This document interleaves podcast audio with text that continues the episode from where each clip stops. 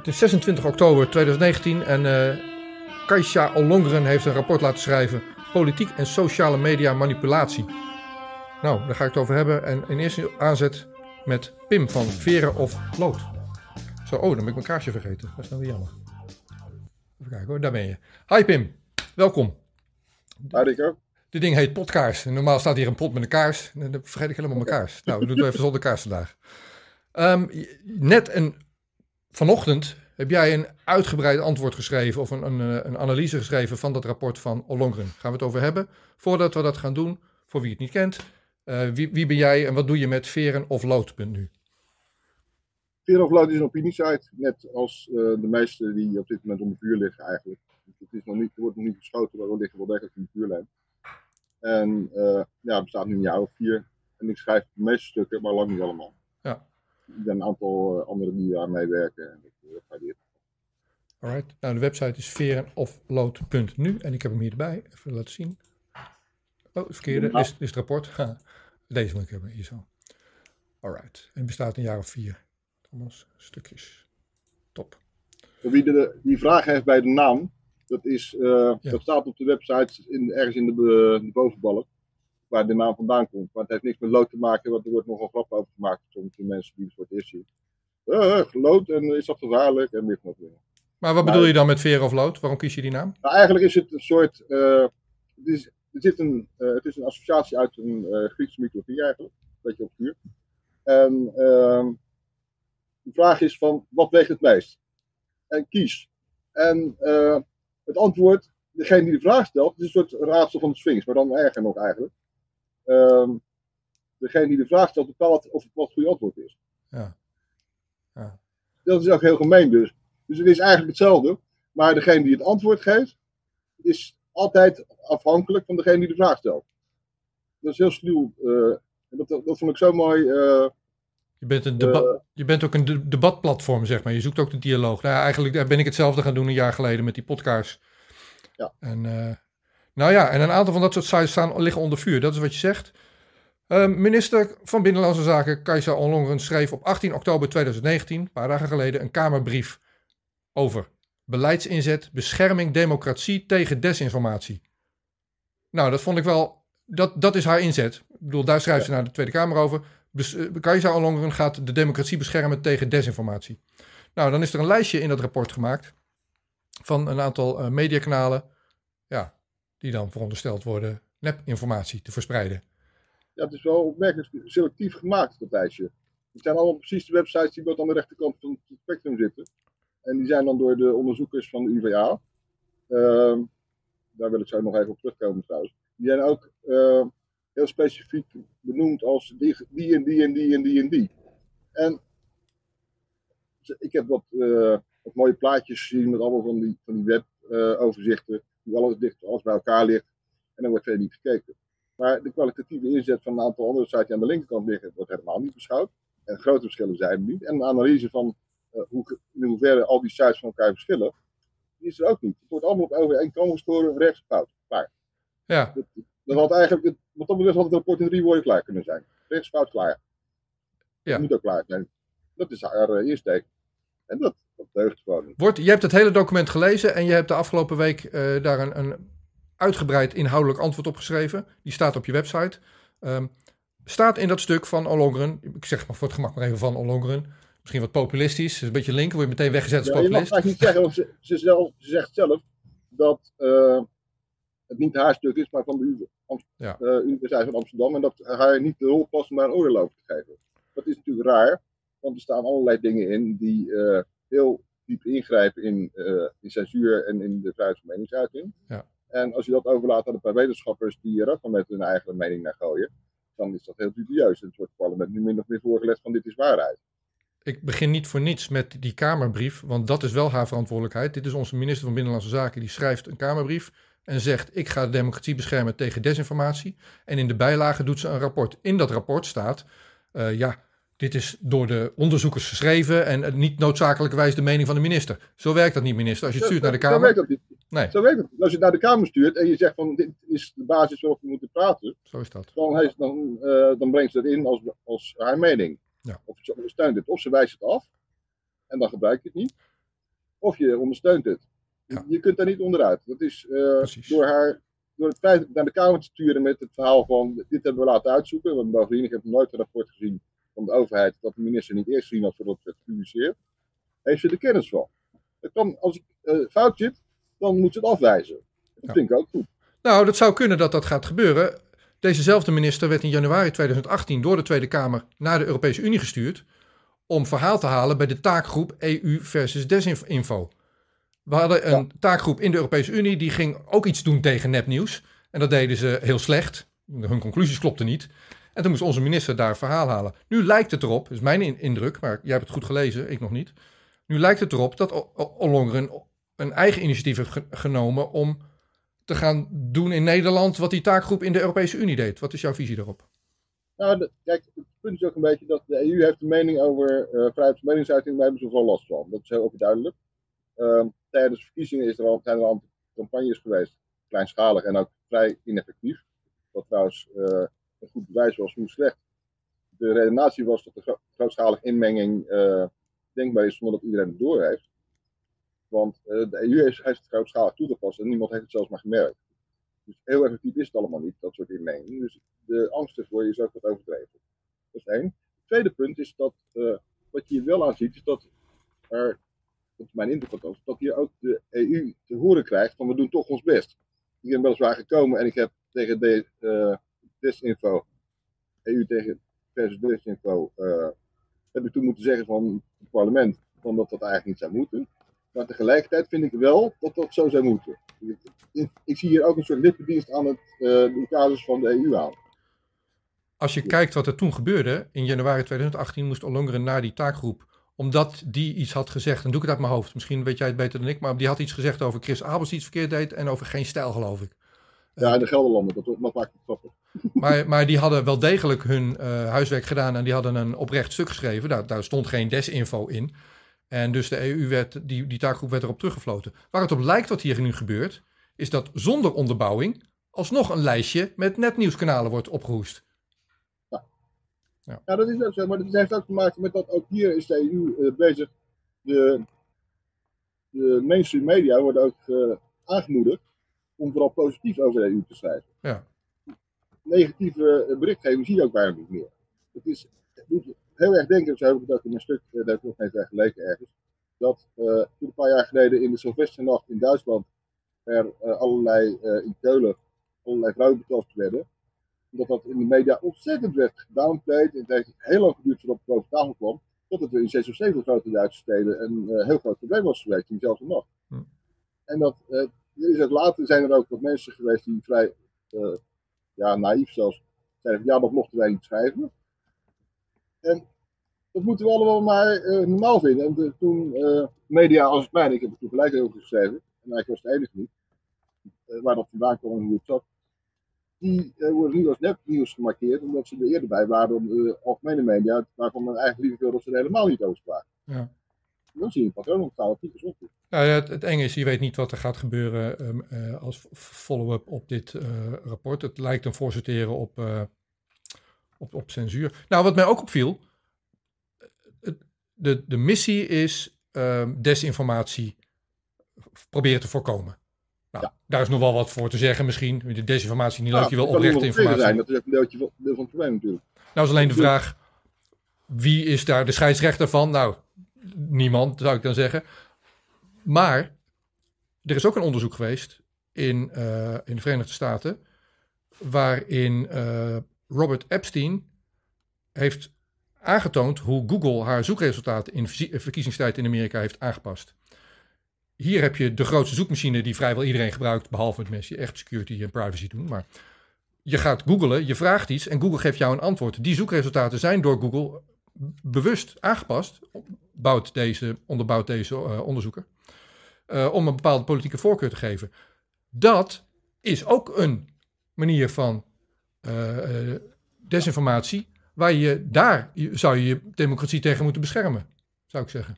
Dat lijkt me wel. Maar ja, goed, wat ik ook al schreef, het, het feit dat de EU al tijdens eh verkiezingscampagnes voor het Europees Parlement zelf campagne voert voor eh EU-gezinde partijen, is natuurlijk al vreemd van zichzelf. Dat is ook een vorm van inmenging in onze interne verkiezingen. Ja. Het feit dat, het naar de, E- dat de mensen afvaardigen naar de, het Europees Parlement, betekent niet dat het niet onze interne zaak is die we besturen. Ja. Maar dat lijkt dus eh, naar, door de EU anders beschouwd te worden. Ja, jij, jij refereert veel aan de EU in de, in de context van dit document, maar ik, ha- ik haal dat er niet uit. Dus, dat is meer jouw in. Nee, dat staat er ook niet in, maar dat is juist het grappige. Het is, er is namelijk, binnen Nederland is er geen objectieve reden om, om er ook maar iets aan te doen. Er, is geen, eh, er zijn geen dingen gevonden die ook maar enig probleem opgaven. We zijn als taalgebied eigenlijk te klein om lastig gevallen te worden door Rusland, heel kort gezegd. En eh, we zijn gewoon niet interessant.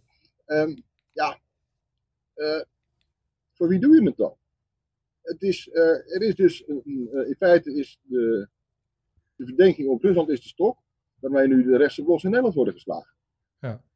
Nou, eh, along, dat, rapport, zal ik het dan nog netjes zeggen. ehm, even kijken, hoe heet het dus ook alweer?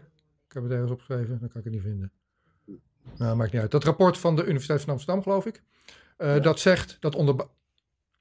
Nee, ik, ik citeer het verkeerd. De minister zegt in haar Kamerbrief dat het doel va- hiervan is preventie. Om te voorkomen dat de desinformatie impact heeft en zich verspreidt.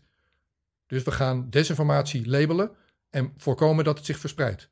Als je dan in het rijtje desinformatie staat, laten we zeggen eh Veren of Lood, de Post Online, Geen Stijl, eh, best, best grote kanalen in Nederland, gaan we voorkomen dat zich dat verspreidt. Ik zag op eh, Geen Stijl een reactie waarin ehm, een beetje lacherig gedaan wordt en denigrerend naar wat Ollongren doet. Maar volgens mij is dit een aanval op vrijheid van meningsuiting in, in the Ja. making of zo. Niet lacherig. Het is ook dat je kunt zien hoe ze het gaan aanpakken. Want het staat er niet letterlijk, maar het is niet ingewikkeld. Kijk, bijna iedereen eh, vertrouwt op zoekmachines. En eh, dat is niet alleen Google. Er zijn heel veel varianten op die eh, mensen gebruiken om bepaalde dingen te vinden. En als je de eigenaren van dat soort programma's kunt dwingen om bepaald nieuws lager in de, in de rangorde te zetten, dan ga je, dan ga je lezers verliezen. Ik kwam er toevallig begin dit jaar achter dat, hoe dat werkt, want ik had me ergens niet op geabonneerd wat ik had moeten doen. En toen ik dat alsnog deed, toen verdriedubbelde mijn bezoek. Puur alleen omdat ik ineens op een paar apps zat. Ja. En dat, eh, ja, dat maakt wel uit. Dus Nou. ook, gebeurt als je uit die apps gegooid wordt. Dan ga je weer terug naar een derde van wat je nu doet. Zal het de helft zijn, maar dat is waanzinnig. Ja. Ik leef niet van advertenties, maar de TPO en stijl wel. Ja, dat is zo. Nou ja, ik, ik ben. Ikzelf, dit kanaal heet podcaars.nl. Laat ik het pluggen, want ik heb geen kijkers. Het is hartstikke nieuw, hartstikke klein. Echt eh, in geen verhouding met al die andere nepnieuws en echte nieuwskanalen, die, zoals Onlonger dat eh, labelt. Maar ik word wel geciteerd eh, in de conclusie. En dat is heel gek ook eigenlijk. Waarom is dat nou? Dat is raar. Ehm, maar ik heb dus geen kijkers. Maar de paar kijkers die ik heb, dat is wel constant. Totdat ik bepaalde interviews ging maken over, ehm, over klokkenluiders en met klokkenluiders. Met iemand die iets zegt over het droneprogramma in de Verenigde Staten, of iemand van de CIA of iemand van de NSA. En dan zie ik wel degelijk een, eh, een, een teruggang in de manier waarop mijn tweets en mijn eh, filmpjes bekeken worden. Dus dat, dat soort filters zijn er ook in in Nederland. En dat is iets waar dat rapport helemaal niet over aan refereert. Het enige wat ze doen, ze zijn, ze zijn niet uit op mijn indruk. Ik wil jou vragen erop te, re- te reageren. Ze zijn niet in, uit op eh, eh, het tegenhouden van desinformatie, maar het tegenhouden van onwelgevallige stukjes. Uiteindelijk is dat de basis. Ja. Dus eh, van het onderdrukken via eh, steekwoorden, dat weet ik niet precies. Er zijn, het steekwoordensysteem is best ingewikkeld. En als je daar een beetje handig in wordt, dan merk je ook wat je kunt doen om, om een stuk echt op gang te brengen. Dat is geen garantie. Maar ik zal een voorbeeld geven. Ik had een week of vier, nou misschien nog wat langer, vijf, zes geleden, had ik een stuk op zondag over hypotheken. Van een eh, columnist die eigenlijk eh, in, met kerst al overleden is. Maar er staan nog heel veel stukken op zijn site die heel erg leuk zijn en eh, de moeite waard om te lezen. En dat had ik geplaatst met de hashtag hypotheken. En gewoon een sub voor zondag en er vielen 15.000 kijkers extra uit de lucht. En dat was gewoon omdat mensen bezorgd zijn over wat er met hypotheken gaat gebeuren vanwege de rente. Ja. En die gingen daar op zoek en die kwamen bij mij terecht. Het was niet de plek waar ze moesten zijn, maar het was wel interessante informatie op zich. Dus werd ook wel gelezen. Maar Ja. ik bedoel, het was een eh, artikel van, eh, ik geloof al een jaar oud ongeveer. Eh, wat toen de tijd door niemand was opgemerkt. En dat was nu nog niet opgemerkt als het niet her. opnieuw gepubliceerd had met de juiste hashtag en de juiste manier om een steekwoord aan de man te brengen. En dan zie je ook hoe belangrijk die steekwoorden kunnen zijn, dat het ook twee kanten op gaat. Maar als tegelijkertijd de Telegraaf en de Volkskrant zich druk hadden gemaakt over hypotheken, rente, whatever, dan waren er zoveel uh, meldingen met hypotheek geweest, dat mensen nooit naar mijn stuk toe waren gekomen op die manier. Ja. Dus zo werkt het dus ook. Ja. Um, de steekwoord is alleen functioneel op het moment dat er weinig directe aandacht voor is, maar mensen wel geïnteresseerd zijn. Dus dat is nogal subtiel. Ja, ik zal ook een voorbeeld maken. In uh, oktober vorig jaar, oktober 2018, kwam mevrouw Carmen Kleinegis, die zocht contact met mij. Ik maakte toen net wat interviews voor Café Weltsmerts, wat ook niet mainstream media is, alternatieve media zou ik maar zeggen. Althans, het is niet op televisie. En uh, zij wilde graag haar verhaal doen en ze kreeg dat verhaal maar niet verteld via de traditionele media. En ik uh, heb me daarin verdiept en ik heb dat verhaal met haar gemaakt. En dat gaat over of je nou wel of niet in je eigen medische gegevens mag kijken, in je eigen medisch dossier en hoe de logging daarop zit. Met dat interview in de hand heb ik contact opgenomen met de correspondent en met NRC, dus de mainstream media zou ik maar zeggen. En dat artikel staat sinds gisteren eh, een pagina breed in het NRC. Door hun onderzoeksjournalisten gedaan. En hier zie je hoe alternatieve media ja, een, een verhaal kan oppakken. En kan doen landen in de, in de grotere gedrukte pers. Ja, dat is, bovendien, ze zoeken er ook naar. Toen ik, ik heb een jaar of zeven geleden toen schreef voor de Dagen van de Standaard. Toen had ik, uh, ik, hield heel veel dingen en nog steeds houd ik heel veel dingen en onderwerpen tegelijk in de lucht. En bekijk ik een beetje uit mijn ooghoek. Toen had ik artikel gemaakt over toenmalig uh, nieuwe problemen die in Catalonië waren ontstaan. Dat heeft zich ondertussen uh, behoorlijk uitgebreid en iedereen weet wel iets van. Maar toen was het nieuw. Ik heb het nu over 2012. En ik had een stuk het was, ik had dingen in de gaten gehouden, er was iets gebeurd. Ik had daar een stukje over gemaakt en ik had daar wat analyse aan toegevoegd. En toen ging in de loop van de middag ging de, de Volkskrant aan de lijn bij de redactie. Of ze het over mochten nemen, want ze wisten niemand die er iets van wist. Ja die waren dus gewoon, die hielden dat soort vlogs ook in de gaten. En die namen het dus gewoon over. Dat willen ze graag en dat, vond ik wel fijn. Uh, om, het, om, het, gewoon te kunnen melden op een actief moment dat uh, niemand daar bij hen uh, op de hoogte was. Dat werkt dus ook. Als er iets ontstaat waar men eigenlijk geen kennis van heeft, en er moet toch iets over gezegd worden, dan wordt het vaak in de box gegeven. Ik ben ook al een jaar of twee was het een van de eerste blogs, uh, sowieso media in Nederland, die aandacht schonk aan de oorlog in Jemen. Niet zo heel vaak, ik heb daar vier, vijf artikelen over geschreven. Um, waaronder zelfs een stuk voorgeschiedenis, uh, hoe Jemen in de jaren 50 was. Ja. Dat iemand die zich daarin verdiept had, vond ik leuk. En ja, dat, uh, het, er wordt nog steeds niet heel veel over geschreven, want men wil het eigenlijk niet weten. Het is ook een onderwerp dat een beetje tricky is.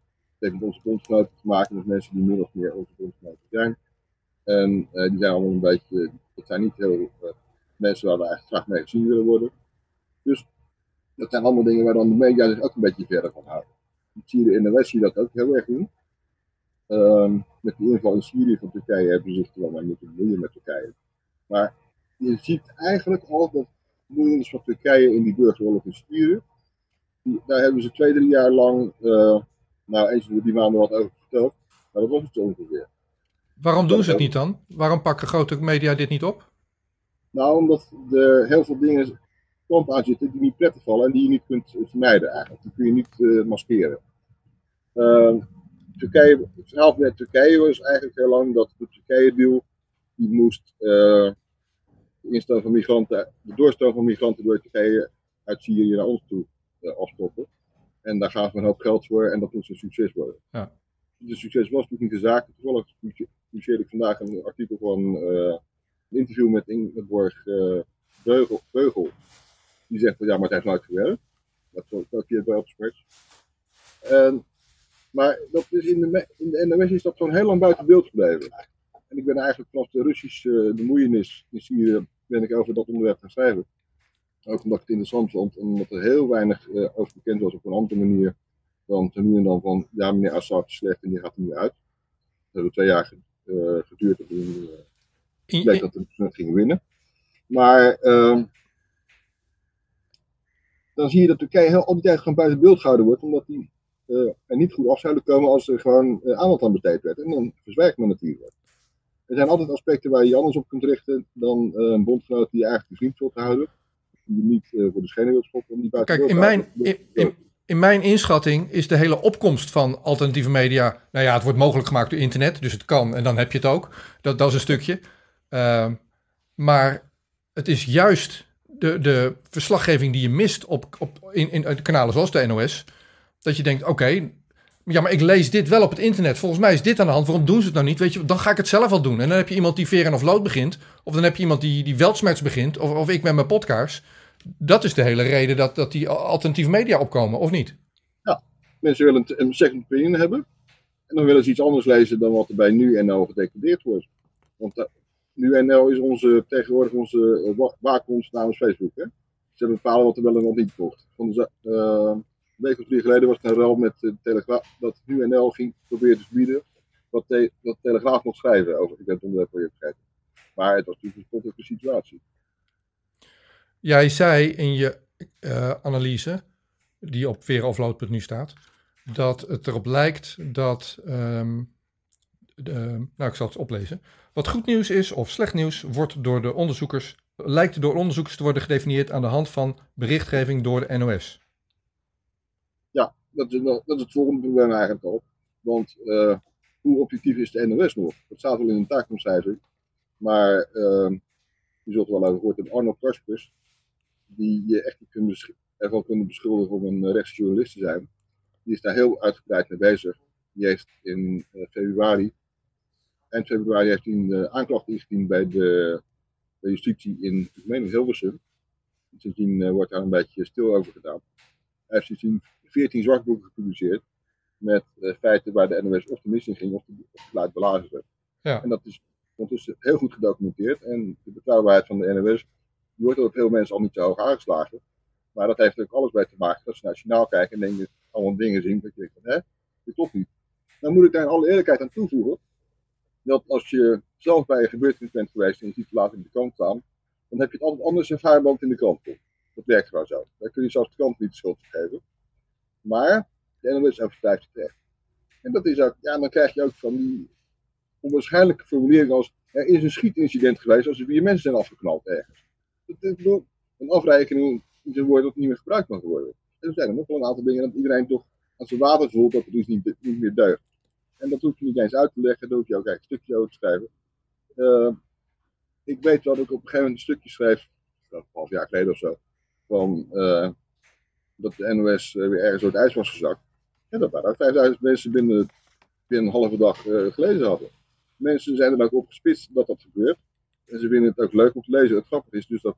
Uh, ik maakte ook ergens opmerking dat clickbait natuurlijk een raar begrip is. En dat eigenlijk de rolbladen van oorsprong waren ook, is ook een vorm van clickbait. En dat alle grote media dat ook gebruiken op een of andere manier. Maar uh, tegelijkertijd zie je dat als de NOS uh, door het wordt gehaald, dat heel veel mensen dat leuk vinden en prettig en een bevestiging van hun eigen gedachten. En dat is iets waar de, de omroep zich veel meer zorgen over moet maken. Want uh, het wordt herkend en het is duidelijk dat uh, wat ze doen niet meer vertrouwd wordt. En ja, het is een klassieker, maar vertrouwen uh, komt te voet, gaat te paard. En als mensen niet meer vertrouwen, dan gaan ze op een gegeven moment andere dingen zoeken. En zo komen ze bij de box terecht. Ja. Ik heb alle partijen die werden weggezet als ehm, nou ja, samengevat nepnieuws, complottheorie, clickbait, extremistische, sensationalistische, tendentieuze en politiek sterk gekleurde bronnen en verhalen. Al die partijen, zoals in dat rapport worden benoemd, heb ik benaderd. En een aantal daarvan reageren en zeggen, ja, we zijn ook een clickbait site, want uh, we, doen, we zijn een vacature site. En ja, de bedoeling is dat mensen daarop klikken. Dat is een beetje de intentie. Maar dat, die had ik gemist, maar maar dat geldt voor, jou, met, dat geldt voor jou met Veer of Lood ook. Je, je schrijft een stuk en je wil dat mensen erop klikken. Eh, en dat ze de tijd nemen om zich te informeren met, eh, met uh, wat je hebt klaargezet. Dat geldt voor ja, Telegraaf. net. worden. Ja. ja, dat geldt voor iedereen. Dus in ja. die zin, uh, clickbait is, is, is, prima. Maar ja, wat je wil is, is mensen informeren. En wat je niet wil is een overheid die jou daarin beperkt. En dat is wat hier dreigt te gebeuren. Ehm, nou, laten we dan afsluiten met... Um, Ollongren schrijft die brief naar de Kamer. Wat verwacht jij van Tweede Kamerleden? Dat is geïnformeerd. Goed gezegd. Dat zou wel eens goed kunnen zijn, want dat zie je eigenlijk. Het klinkt wel uh, een beetje als een, uh, als makkelijke opmerking, maar dat is niet. Als Kamerlid moet je ontzettend veel lezen en dat betekent in de praktijk dat je de kranten doorbladert en daarna denkt dat je er wel bent. Maar zo weet de wereld niet meer. En uh, als je op 18 naar het journaal gekeken hebt, weet je niet wat er gebeurd is die. Dat zijn allemaal dingen die problematisch zijn. En dat is iets waar Kamerleden zich speciaal moeten aantrekken, zeker als we hierover gaan praten. Ja.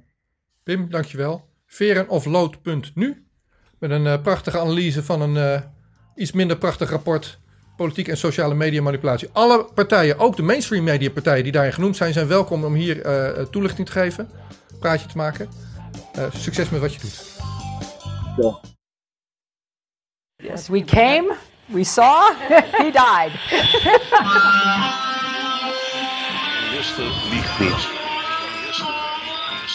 Every nation in every region now has a decision to make. Decision to make. Decision to make. You think I'm joking?